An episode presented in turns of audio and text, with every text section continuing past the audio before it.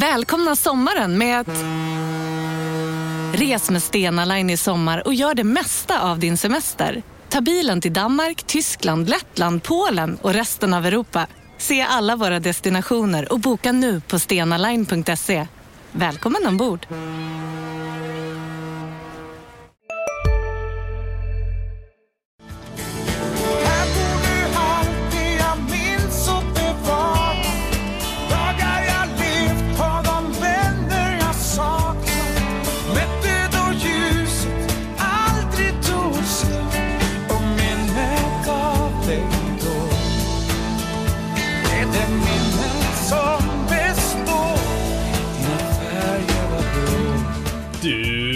Lyssnar på GIF-podden avsnitt 39 med mig Peter Öhrling, som vanligt mitt emot mig den vackre Oskar Lund.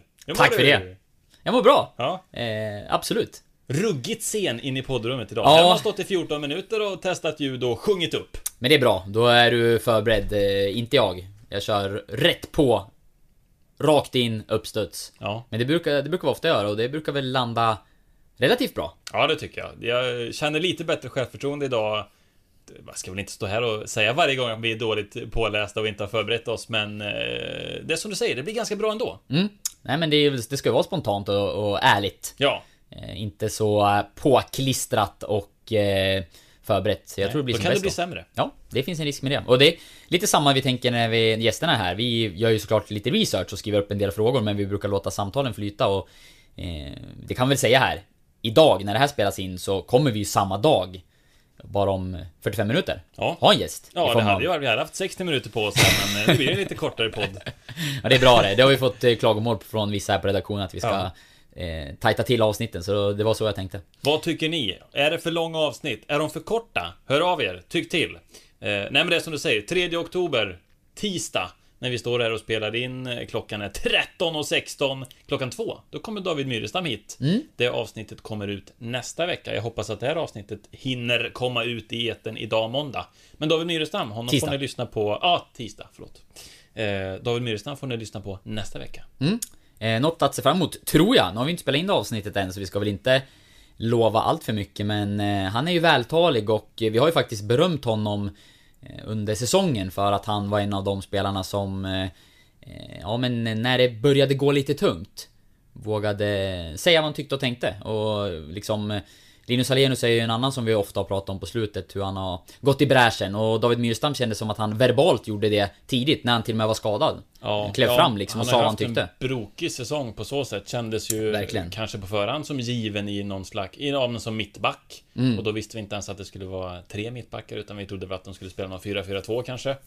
Eh, sen vart han knäskadad, missade stora delar, stora delar av säsongen, har spelat, jag tror det är 11 matcher nu.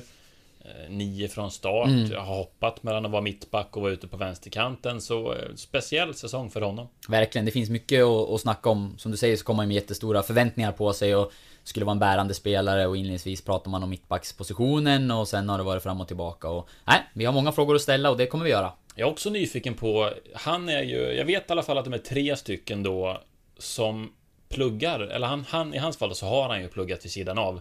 Erik Larsson och Marcus Danielsson pluggar väl ekonomi om jag inte är helt fel ute. David Myrestam har ju utbildat sig till systemvetare. Jag, det här läste jag i någon artikel som var några år gammal, så jag misstänker att han är klar nu. Och sånt tycker jag är ruggigt imponerande, att det inte bara blir att man sätter sig och spelar Xbox liksom, för jag, jag tänker att man har mycket tid som fotbollsproffs. Ja, verkligen. Och, Mycket dödtid. Precis och... Ja, karriären är inte allt för lång. Och tar man sig inte till de här allra största ligorna så behöver man ju jobba även efter att man har avslutat sin eh, fotbollskarriär. Och eh, det är väl ett utmärkt tillfälle att passa på att använda den där tiden man har till att eh, ja, börja förbereda sig för livet efter fotbollen. Det kan vi också snacka med om. Han är ju Han är absolut inte gammal, 30 år. Och har flera år kvar som fotbollsspelare men eh, Intressant att höra lite grann om man har börjat fundera på vad han vill göra sen och eh, Flytten till Sundsvall Känns ju ändå lite sådär som att eh, Flytta hem, även om man kommer från Umeå så Mm, och jag vet att han har pratat om det innan, att han vill nog avsluta karriären i Umeå FC. Så att eh, vi får se. Men nog känns det väl som att han har några bra år kvar på allsvensk nivå, eller kanske ännu högre än så. Ja, det tycker jag att han har visat här på slutet eh, Nu då främst som eh, vänsterback de sista matcherna eller eh, wingback. Gjort det bra.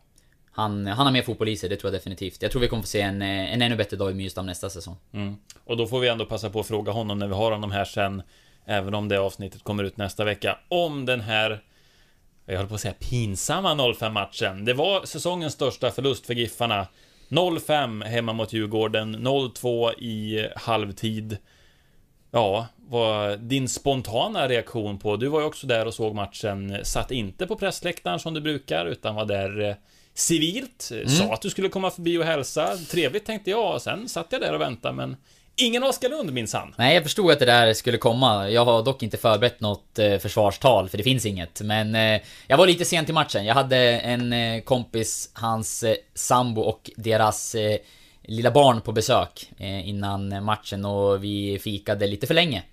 Jag hade tänkt att vi skulle komma i tid så att vi kunde knotta förbi er och surra lite grann. Vi satt ju då på motsatt sida. Första matchen på väldigt länge som jag ser från eh, en annan synvinkel än pressläktaren. Även när man är ledig så brukar jag oftast eh, sitta där. Eh, man har ju, ja, er kollegor på plats då helt enkelt om man inte jobbar och det... Mm. Första hemmamatchen ska vi väl säga med tanke på att du har inte varit med till ja, Uppsala eller Eskilstuna eller Jönköping utan det har ju varit jag och Lidén. Ja, det har ju varit så. Eh, Jag fick resa min beskärda del under våren då och få stå tillbaka nu. eh, Som hockeyredaktör.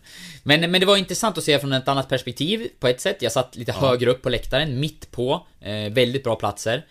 Och tyckte att jag fick en riktigt bra överblick faktiskt över spelet. Nästan, och ja, framförallt då när man är ledig och ser matchen på ett lite annat, annat sätt. Slipper tänka på live-rapport och vinklar och sådär. Eh, och Det tycker jag var skönt. Eh, Så att jag, tyck, jag såg matchen på ett bra sätt. Eh, Jag stötte också på Robert Lundström. GIF... Före GIF-spelaren som numera spelar i norska Vålerengen. Han var hemma på besök några dagar, var, var ledig. Och han snackade lite kort med honom inför matchen. Han var iklädd GIF-halsduk. Och skulle stötta sitt lag då. Han är ju verkligen ur-GIFare. Även om han har spelat i andra lokala klubbar så... Ah, det är en, en GIF-profil och, och han håller verkligen på sitt GIF Sundsvall. Eh, Så han var där. Och eh, min bild av matchen är väl den att jag tycker Giffarna började bra. Jag tycker det såg lovande ut inledningsvis och framförallt David Batanero, herregud. Eh, vilket fotbollsgodis han bjöd på i första halvlek. Det var eh, någon briljant yttersida, eh, var det väl, var i alla fall någon jättefin djupledspassning. Det var... En eh, magisk passning fram till Peter Wilson Ja, när han otroligt träffade fin. stolpen där i fjärde minuten. Sen Ja. hade han ju en volleykanon själv från distans och var nära att resultera.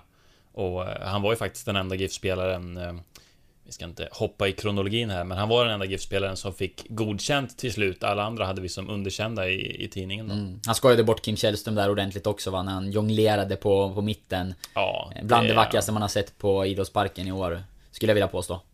Det är ju inte vem som helst som gör det. Och han gör det inte mot vem som helst heller. Det är som du säger, det är Kim Källström, Allsvenskans kanske bäste spelare. Nej, jag tänkte faktiskt på att eh, det är ju, ingen av dem är ju blixtsnabb. Du hade en jättebra intervju med Ferhan Sibila eh, under helgen som var, där han bland annat sa att eh, David Batanero är Allsvenskans långsammaste spelare. Kim Källström är ju knappast blixtrande snabb han heller. De påminner ju lite om varandra Ja, på det absolut. sättet. Och jag satt och funderade på läktaren att det är nog två av de absolut bästa vänsterfötterna i Allsvenskan som, som ställs mot varandra. Om vi pratar om eh, öppnande passningar och det tillslaget liksom. Eh, och, och blick för spelet. Och den matchen i matchen vann väl ändå Batanero. Jag tyckte Källström var ganska anonym, även om Djurgården eh, vinner med 5-0. Åtminstone i första halvlek så kände jag att det var ett övertag Batanero. Mm, ja men det tyckte jag också efter första halvlek. Sen eh, det som jag har sådär eh, klurat lite på i efterhand är hur mycket Giffarnas centrala mittfält var delaktiga i det defensiva haveriet. De var nog ganska delaktiga kom jag fram till ändå. Jag tycker inte att Steinersson och Batanero vann kampen där och hemjobbet var ju Eh, underkänt vid ett par tillfällen. Ja, inte minst, jag vet Andreas Lidén eh, påpekade Kristin Steindorssons hemjobb vid 0-3 och han joggar ju faktiskt hem och blir totalt frånsprungen av Felix Beijmo som vi också hade som matchens bästa spelare. Han låg ju bakom 0-2, det här vackra anfallet då. Gjorde själv 0-3, tog sats från egen planhalva, väggspelade med Gustav Engvall och tryckte dit 3-0. Sen låg han väl bakom 5-0 också när Karlström skickade upp den här kanonen i krysset. Och sen hade ju Djurgården bud på mer, det hade ju kunnat bli 6-7-0. Ja, absolut. Det, det blev ju ett haveri till slut från Giffarnas sida. Och ja, som sagt, jag tror centrala mittfältet var en del i det här som inte gjorde sina defensiva uppgifter på ett jättebra sätt. Och det är väl något som drar ner Batanero då. Även om han med boll var lysande. Eh, Och sen... eh, Ja, man måste väl också ställa en del kritiska frågor gällande laguttagningen. Eh, Man gjorde ju förändringar i trebackslinjen. Noah Sonko Sundberg blev petad. Carlos Mm. Jag skrev faktiskt ner startelvan här. Mm. Vi skulle Dra kunna den. dra den då. Gör det. Tommy Naurin i mål.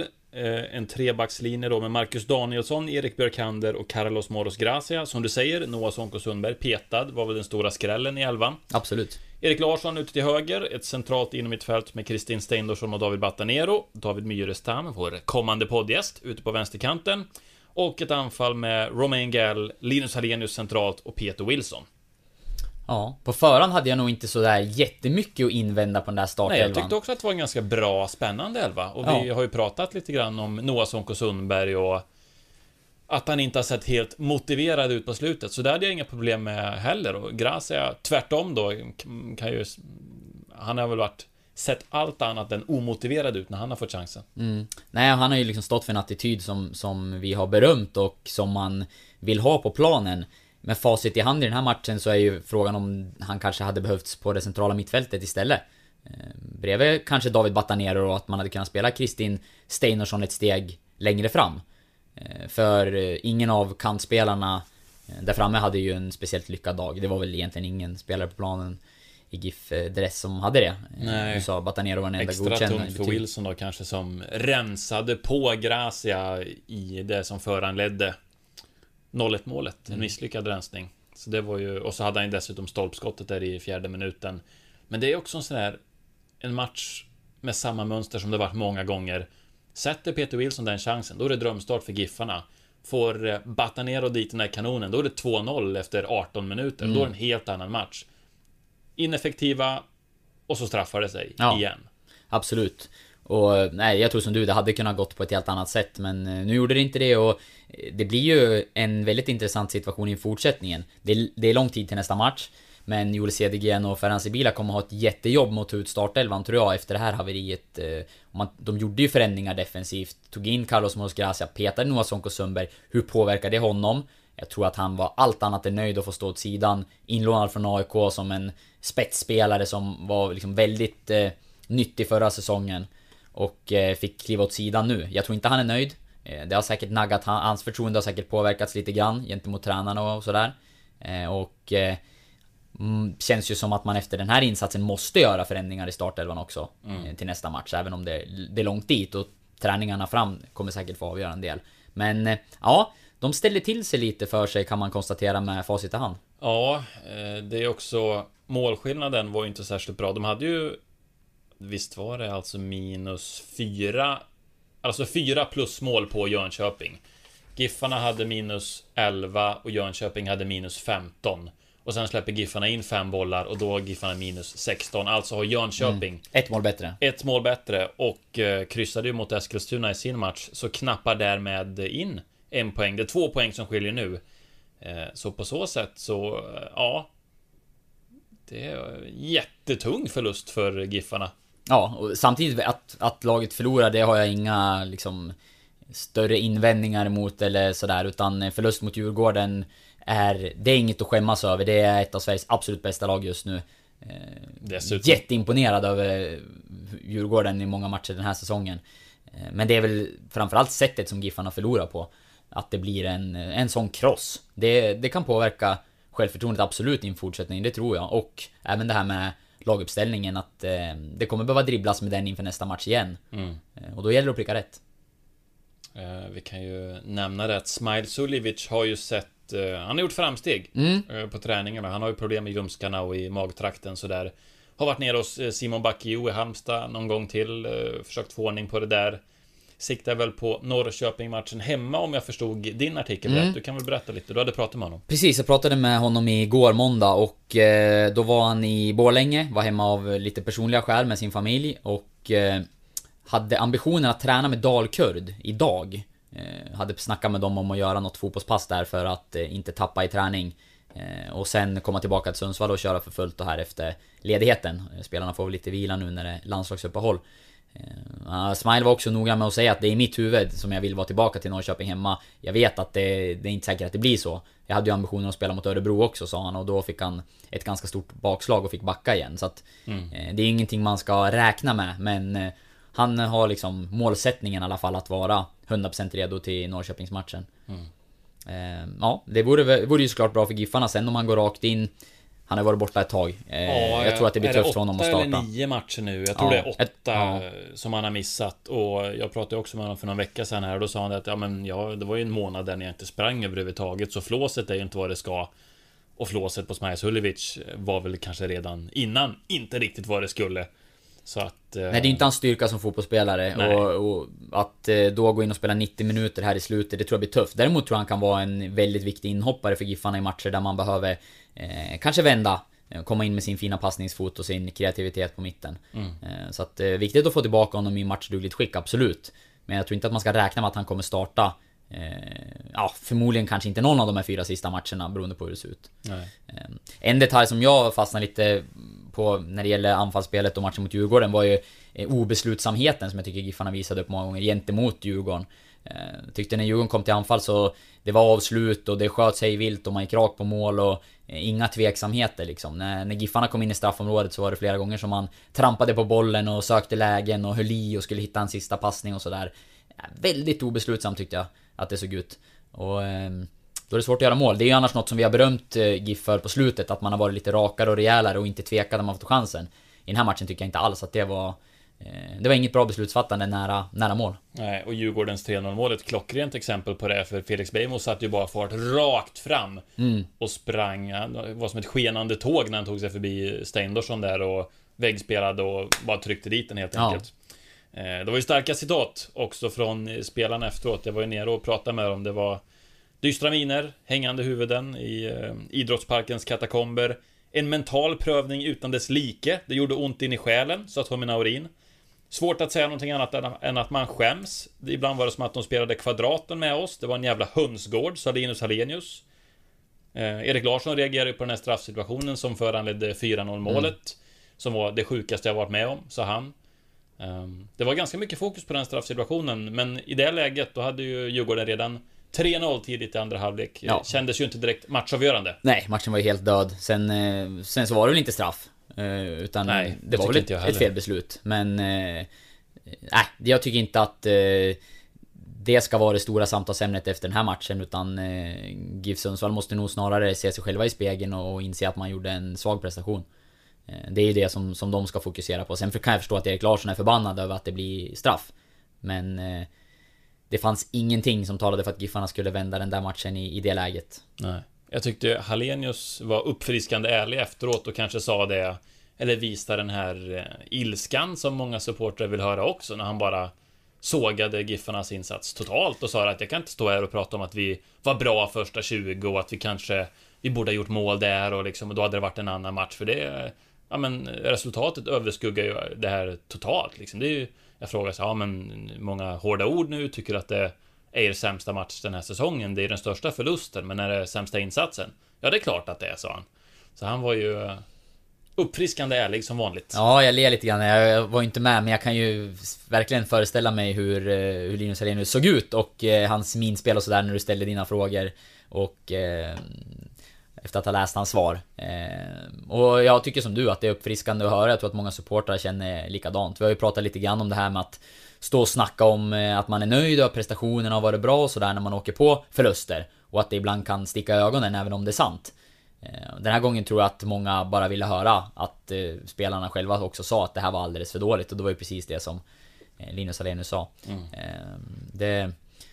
Ja, Han man, också han, han är ju en ärlig och öppen person som, som liksom säger vad han tycker och tänker och eh, För er som inte har hört podden med honom så rekommenderar jag att lyssna på den Utan att vi ska slå oss för bröstet allt för mycket så tycker jag att det är en av de mest intressanta poddarna eh, Som jag någonsin har hört tänkte jag säga. Nej, men, som, som Men vi, inte som för vi, att slå oss själva för bröstet Nej men som vi har alltså. gjort eh, i GIF-podden. Absolut. Jag tycker att han har varit av... Ja, kanske den bästa gästen. Eh, och så- och det blev också två avsnitt av den anledningen. Och, eh, så också sent som igår att det var lite eh, reaktioner på sociala medier trots att det var ett tag sedan den kom. Och Ja, det är kul. Folk som snackade om att den var intressant. Eh, Lennart Sandahl, den gamle Jag tror i. IFK Sundsvallsmålvakten. Jag hade ju retweetat det inlägget. Men det inlägget, det var ju för att jag såg det då. Det var ju det var kanske gammalt. en vecka gammalt. Ja, men han hade också fått några nya svar såg jag. ja det är Eh, sant. Någon som hade frågat och sådär. Så det var, det var kul. Ja. Eh, Tack för det Lelle förresten, som ju väl verkar som sportchef Och sportjournalist nere i Stockholmsområdet. Den tidigare målvakten.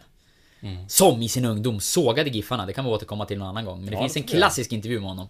Alenius sa ju för övrigt att eh, alltså, det enda positiva vi skulle kunna ta med oss från det här Det är att vi får se det här som en jävla väckarklocka nu inför de sista fyra matcherna att Så här kan det inte se ut. De har det fortfarande i egna händer De är två poäng före Jönköping Men de kan inte räkna med att Jönköping ska torska sina kvarvarande matcher utan Giffarna måste rycka upp sig. Absolut. J Söder har ju bland annat Kalmar kvar att möta på hemmaplan. Och det kan ju mycket väl bli tre poäng där och det innebär ju att skulle Giffarna inte ta några fler poäng eller kryssa en match och torska de andra tre, då är det kval. Ja, eh, jag kan ju dra resultaten för hela omgången.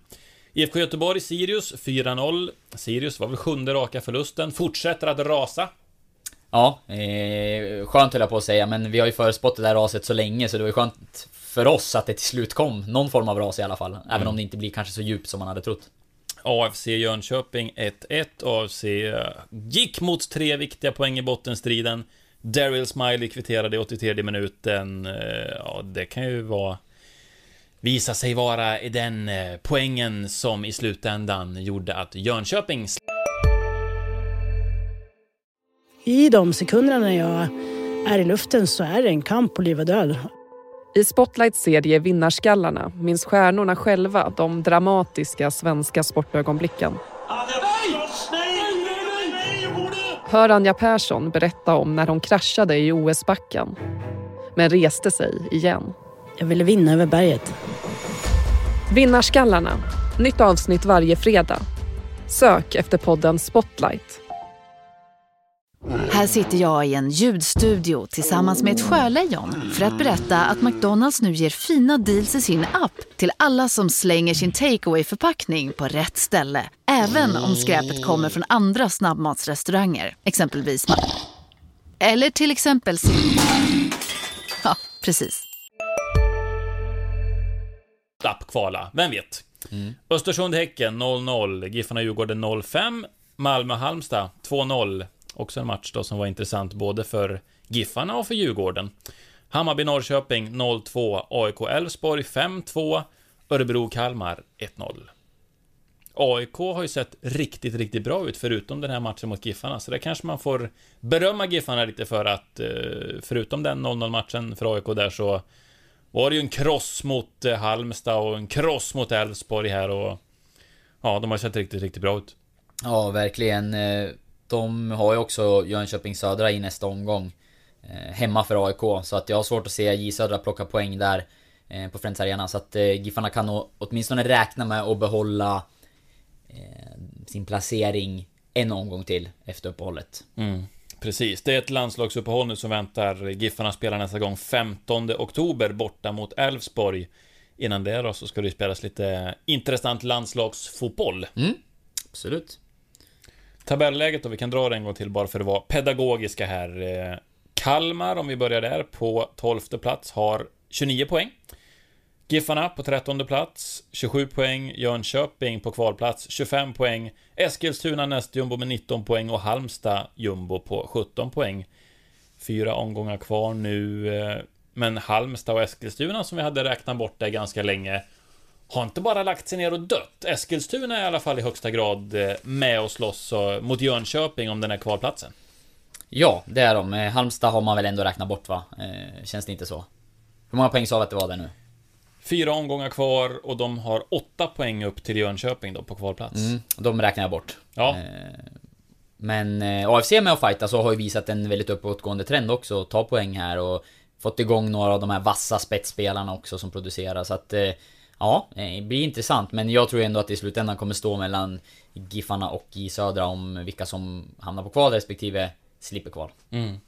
jag tyckte det var intressant där. Du twittrade ju under matchen. Eh, Giffarna hade ju inte gjort något byte förrän, visst var det i 81 minuten? Då gjorde de ett trippelbyte för första gången den här säsongen. Du ville att de skulle skicka lite signaler. För eh, GIF-backen Christian Brink menade att det är ofta en signal i sig själv. Eh, Han syftar väl på att spelarna Ja, att de skulle tvingas spela tiden ut och liksom få stå där med och skämmas för den här 0-5 förlusten. Har varit med om det själv. Det känns inte kul att slutföra en match med 0-4. Nej, och det förstår jag ju att det inte gör. Eh, men så länge som Giffarna hade chans att ta poäng i den här matchen så är det för mig en självklarhet att man eh, ska försöka påverka matchbilden och när man såg vart det var på väg.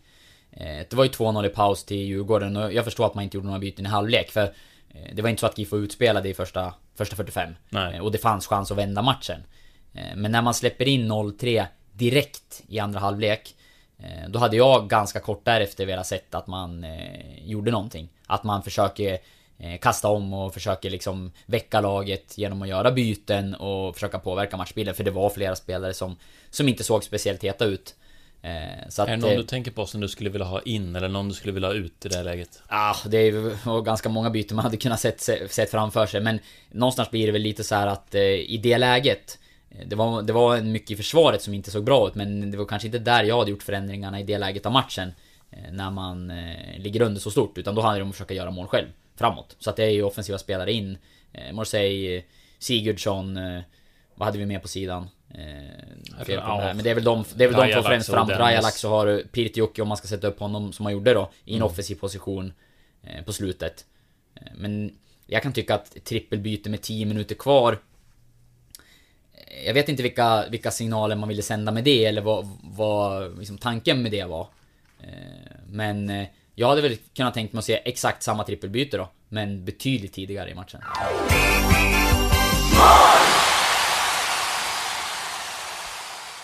Vi måste också prata lite mer om Batanero som var briljant. Han var den enda i Giffarna som fick godkänt.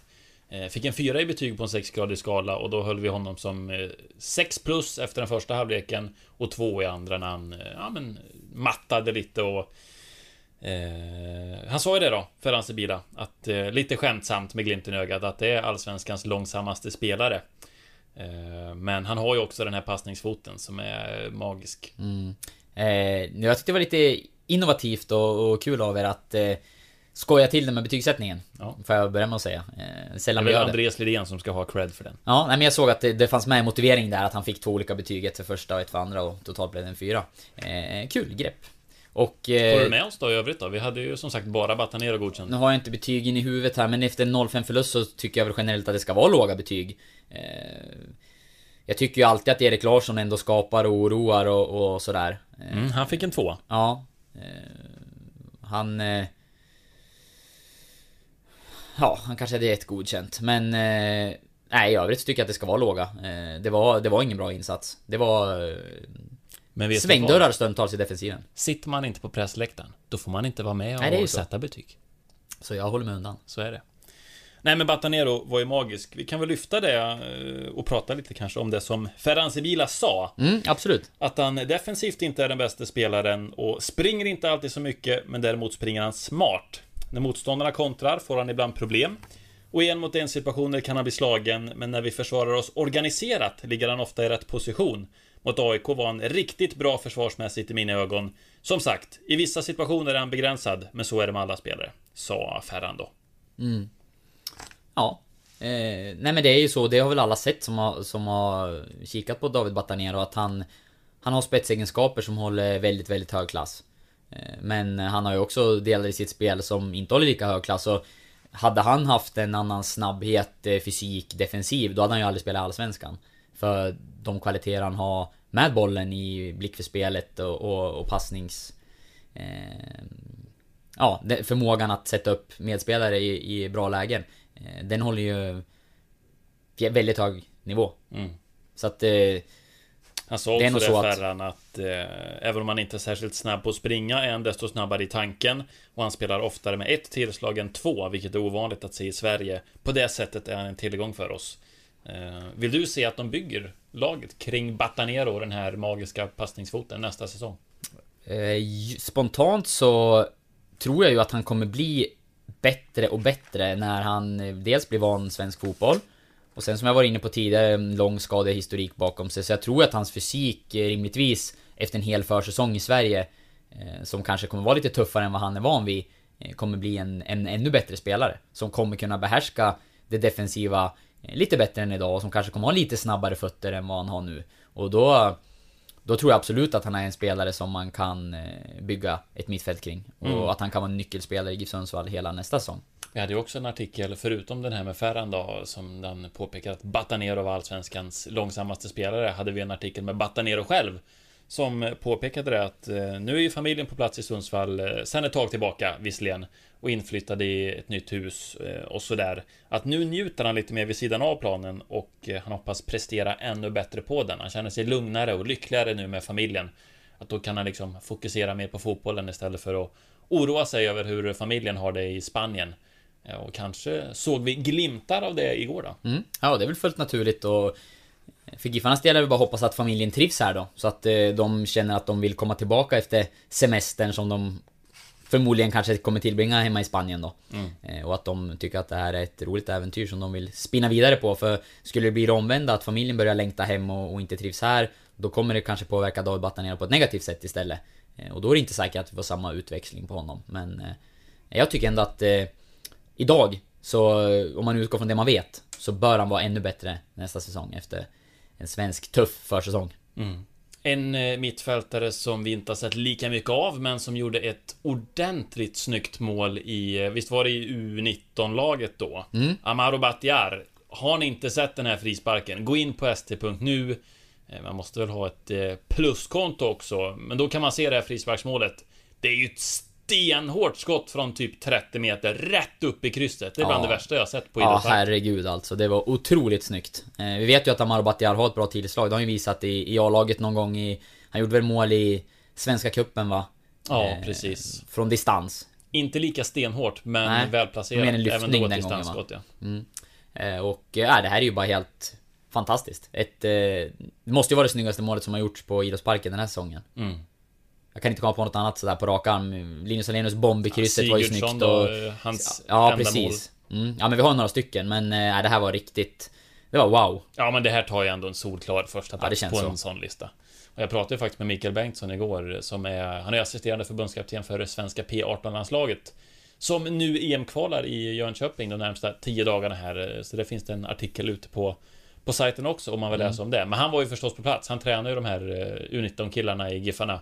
Och han sa att det var ju bland det värsta jag sett. Att det, man kan, om det inte framgår av bilderna hur hårt det där skottet var. Det var en raket upp i krysset liksom. Ja, nej det är in och njut. Det var riktigt läckert och eh, jag pratade med Amaro igår och han var, han var rätt nöjd men även om han själv var ganska ödmjuk sådär och jag frågade hur lång distans var det från? Det här var väl i alla fall 20, ja kanske 30 men jag tror ju som du att det kändes ju som att det var 30-35. långt utifrån. Det var, det var en lång distans, absolut. Ja. Ehm, Så att, eh, nej, det var skönt för honom. Sen var han också realistisk när det gäller hösten här. Jag frågade om mm, speltid i Allsvenskan under slutet och han trodde väl inte på eh, så många minuter på planen även om han sa att jag är alltid redo. Får jag chansen så kommer jag vara redo. Det har varit hela säsongen men det är väl kanske inte ett läge när man kastar in en ung oerfaren spelare eh, i de här viktiga avgörande matcherna på slutet. Nej. Men han har fått debutera i år och eh, vi lär få se mer av honom framöver. Mm, stämmer. Mm, jag tror att han kom in i minut... Kan det ha varit? 83? Jag vet inte om vi ska outa det här nu men eh, vi hade ju ett snack häromdagen du och jag om ditt eh, helt otroliga minne. Och inte minst när det gäller statistik och siffror så har du ju en sjuklig koll. Och jag har ju någon tanke om att eh, du ska få möjligheten att läsa in det då förvisso lite grann. Men att du ska rabbla GIF Sundsvalls alla mål den här säsongen och i vilka minuter de har kommit. Han blev inbytt i minut 81 hemma mot Elfsborg ser nu när jag fuskar. Vad sa du då? 83 sa jag, så jag var väl inte helt ute och cyklade då. Nej men det är underkänt. Fan, det borde jag tagit att han fick 9 minuter. Per Frick, eh, värmlänning, gjorde 1-0 målet där för Elfsborg. Peter Wilson kvitterade. Mm. Eh, nej men vi var, jag känner att var, vi var tvungna att prata lite om eh, Amaro där, för det var ett Absolut. sånt fantastiskt mål. Så gå in och titta på det. En annan eh, GIF-spelare som har spelat desto mer den här säsongen, eh, en annan talang då. Eh, Jonathan Morsey, som också ska iväg nu under uppehållet och spela två landskamper med svenska P20-landslaget. Båda mot Danmark.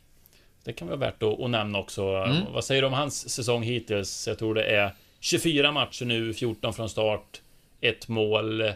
Han, jag vet att Joel Cedergren var nöjd med det som Morre har presterat, men att han själv kände att han ville, hade hoppats få ut mer. Mm, jag förstår att han hade hoppats på att få ut lite mer. Eh, jag tror att det var... Att det är ganska många GIF-supportrar som på försäsongen gick och hoppades på att han skulle få sitt stora, stora genombrott den här säsongen. Eh, man ska komma ihåg att han kom upp under fjolåret och fick debutera och spela ett par matcher.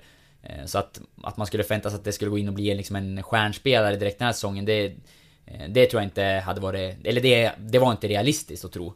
Eh, Men däremot visade han upp saker under försäsongen som gjorde att man, man såg ju den här jättestora potentialen som han har. Han har ju en spets som eh, få andra i Giffarna har. Jag kommer ihåg något eh, videoklipp på försäsongen som jag tog på en träning när jag gjorde ett riktigt drömmål. Och satt man där i Nordkallen och tittade, vilket jag gjorde ganska många gånger under, under vintern, så Eh, han kunde ju stundtals ha show alltså på träningarna med perfekta avslut och dribblingar och sådär och man, man såg den här oslipade diamanten.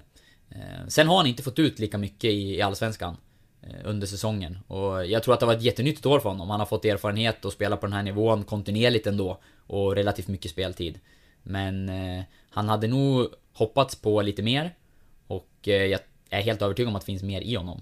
Eh, Får se om man kan lyckas få fram det under slutet och kanske framförallt nästa säsong då. Mm. Men just potentialen tycker jag är skyhög. Ja men det tycker jag både han och Peter Wilson, du och jag som är ute och ser eh, en del träningar eh, Många supportrar kanske inte ser någon enda träningsrätt på säsongen utan bara matcherna. Sen är inte vi där varje träning heller ska sägas men vi har ändå sett under säsongen ganska många. Och jag var ju där i, i fredags och kikade lite och då, det var samma sak där. Både Peter Wilson och Morre hade några riktigt fina avslut och Morre utmanade och dribblade och lite av eh, det här som vi inte, som du säger, de inte riktigt har fått ut i Allsvenskan. Så det finns ju ett sparkapital där om de skulle ta nästa steg, kanske nästa säsong då, om man nu får hoppas på det. Mm. Jag, jag trodde att... eh, Eller jag tyckte man såg det där eh, Framförallt hos Morsey under försäsongen att eh, Han kunde göra saker som få andra i laget eh, klarade av och eh, Man hade hoppats att han skulle få visa upp det ännu mer i Allsvenskan. Han har gjort det vissa tillfällen men, men inte så kontinuerligt som eh, man kanske hade hoppats på. Och sen är han ung och eh, det kommer ta Det tar ju tid att växa in i liksom allsvenska kostymer och seniorfotboll. Han har inte spelat så mycket seniorfotboll under sin karriär. Eh, Och det kan man ju se ibland när det gäller fysiken och närkampsspel och, och de bitarna som inte är på samma nivå. Eh, Men jag tror att när han får ihop hela paketet så då är det en spelare som kommer kunna hävda sig väldigt bra på allsvensk nivå. Hoppas att han får att han fortsätter utvecklas. Det är ju alltid vanskligt med unga spelare att veta vilken väg de tar men Ja, det finns, det finns en stor jätte- talang i honom. Säkert jättenyttigt för honom att få de här landskamperna också. Det bygger nog självförtroendet. Jag vet att han beskrev det som en energikick. Han har ju varit på lite olika landslagsläger innan men inte spelat några landskamper eh, om jag har förstått saken rätt. Eh, Och det är bara att titta på de andra namnen som är med i den här truppen. Det är Irran Dost i Häcken, Erik Johansson i Malmö, Jesper Karlsson i Elfsborg, Isak Pettersson i Halmstad, Kristoffer da Graça från Blåvitt, Herman Hallberg, Kalmar. Det är ju enorma framtidsnamn. och Det är ett jäkligt spännande lag de har. Ja, och det säger någonstans någonting om att den där nivån som faktiskt finns. Det vet ju att ja, men både Peter Wilson och Jonathan Mossé har fått en, en del kritik den här säsongen. Eh, av ja, men folk runt omkring som hade hoppats att de skulle ta ännu större steg. Eh, och de har varit, stundtals varit med i laget nu på slutet ganska mycket utanför. Eh, men man, eh, man ska komma ihåg hur pass stora talanger det här faktiskt är. Och som du, att Jonathan Morse är med i den här truppen, det är ju ett kvitto om något. På att eh, det finns väldigt fotbollskunniga personer som ser den där, det där råämnet i honom. Mm. Ja, eh, nu är klockan 13.51 så om några minuter kommer David Myrestam. Vi kanske gör bäst i att avrunda podden lite. Eh, vi kan påpeka det att vi sänder en spännande match i herrarnas division 2 Norrland på fredag. Eh, IFK Timrå möter Bollnäs på bortaplan. Timrå just nu tvåa i tabellen, alltså på kvalplats, eh, utan chans att gå förbi Skellefteå som är etta. Men de vill förstås väldigt gärna hålla fast i den kvalplatsen. Det får mig osökt att tänka på Granit Bozoko som jag var ju på plats och han avgjorde med ett vackert frisparksmål mot IFK Östersund var det, 2-1. Med kvarten kvar klev han fram där och skruvade in den. Han var inne på det. Han har väl gjort sex frisparksmål nu den här säsongen. Och då sa han ju det, ja men när jag spelade i Giffarnas U21 till exempel, då fick ju inte jag ta några frisparker Det fanns ju alltid någon A-lagskille som som eh, låg över mig i hierarkin sådär. Och kanske lite samma med Amaro att han skulle inte gå fram och ta en frispark i, om han fick hoppa in i A-laget kanske. Men visar på U19-nivå i alla fall att eh, han har en ganska vass fot. Mm, ja, absolut. Och eh, för att prata mer om Granit Bozoko så måste jag säga att jag verkligen gläds med hans framgång. Det är ju en eh, jättesympatisk kille som eh, var en stor talang tidigt i Giffarna och flyttades upp i A-laget när han var väldigt ung och många trodde på honom. Och sen eh, fick eller tog han inte chansen. Det är alltid eh, två sidor av det myntet. Jag tror han själv tycker att han inte fick så många chanser. Eh, men att... Eh, från Giffarnas håll då har man ju uppenbarligen tyckt att han inte räckte till hela vägen. Eh, nu har han ju liksom fått en ny... Eh, känns som att han är på väg att kicka igång sin karriär igen. I och med den här eh, säsongen som han gör med IFK Timrå och kanske med och spela upp laget i division 1. Eh, Och det finns ju klubbar i högre divisioner som är intresserade av honom. Eh, Har ju ryktats om toppklubbar i Superettan till exempel. Ja, nej, men det vore jättekul om han kunde ta en annan väg till elitfotbollen. Påminner mig lite grann om en sån som Pontus Silver som också fick lämna Giffarna, gick ner i seriesystemen, tog sig uppåt igen och nu spelar allsvensk fotboll. Om än kanske bara för några veckor till. Eh, med Halmstad. Eh, jag hoppas att Gant kan få en liknande resa. Jag tycker att han är värd det och han är, en, eh, han är underhållande både på och utanför planen. En kille med glimten i ögat som kan bjuda på sköna citat och på planen så är han ju en teknisk spelare som ja, gör otroligt vackra frisparksmål. Det senaste, det var väl det här som dök lite grann in i bortre va? Ja, precis. Otroligt fint. Ja, vi har ju pratat lite om predaktionen, att vi borde ha, göra, gå ut och göra något slags TV-klipp med Granits frisparksskola. Eh, Jag pratade lite med honom om det och han, eh, han är ju på. Sen eh, fick vi det inte att funka nu måndag, tisdag för det är lite andra jobb här kvällstid som vi ska ut på. Selångers F16 tjejer Bland annat ska ut på ikväll och hälsa på på en träning. De spelar ju SM-kvartsfinal mot Sunnanå på söndag. Också kul. Absolut, kan passa på att lyfta fram ett annat lokalt lag då som jag kanske inte alltid skrivs så mycket om, Esvik. Eh, vars juniorer har tagit sig till kval. Och ska kvala uppåt då till... Eh, jag tror att det är högsta serien. Eh, för den ålderskullen. Eh, lite reservation här nu för att jag är fel ute, men eh, de har eh, stått för en stark prestation. Och det är kul när en lite mindre klubb då, som Esvik från Njurunda, eh, lyckas med det. Eh, vi håller väl tummarna för att de grejar det. Jag tror kvalet börjar om ett par veckor, så kör hårt. På tal om kval, om vi ska fortsätta prata lokalfotboll. Sund IF, eh, Amaro Batiars moderklubb då för övrigt. Eh, Visst är det det? Han har ju spelat i det i alla fall. Ja, han har spelat där, Men absolut. visst är det moderklubben också? Eh, ja, det tror jag att det är. Ja. Eh, De kvalar ju upp till division 3.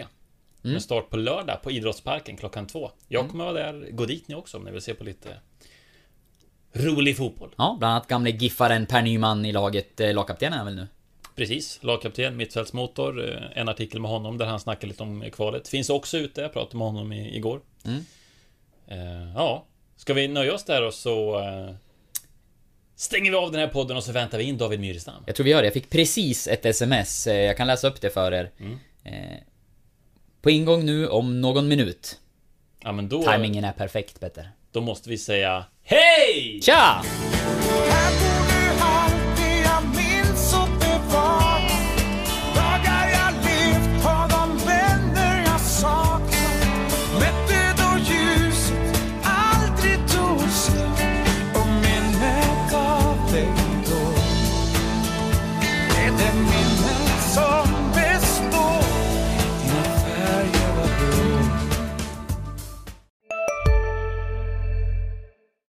Yogamatta är på väg till dig, som gör att du för första gången hittar ditt inre lugn och gör dig befordrad på jobbet men du tackar nej för du drivs inte längre av prestation. Då finns det flera smarta sätt att beställa hem din yogamatta på. Som till våra paketboxar till exempel. Hälsningar Postnord. Var du än är och vad du än gör så kan din dag alldeles strax bli lite hetare. För nu är Spicy Chicken McNuggets äntligen tillbaka på McDonalds. En riktigt het comeback för alla som har längtat.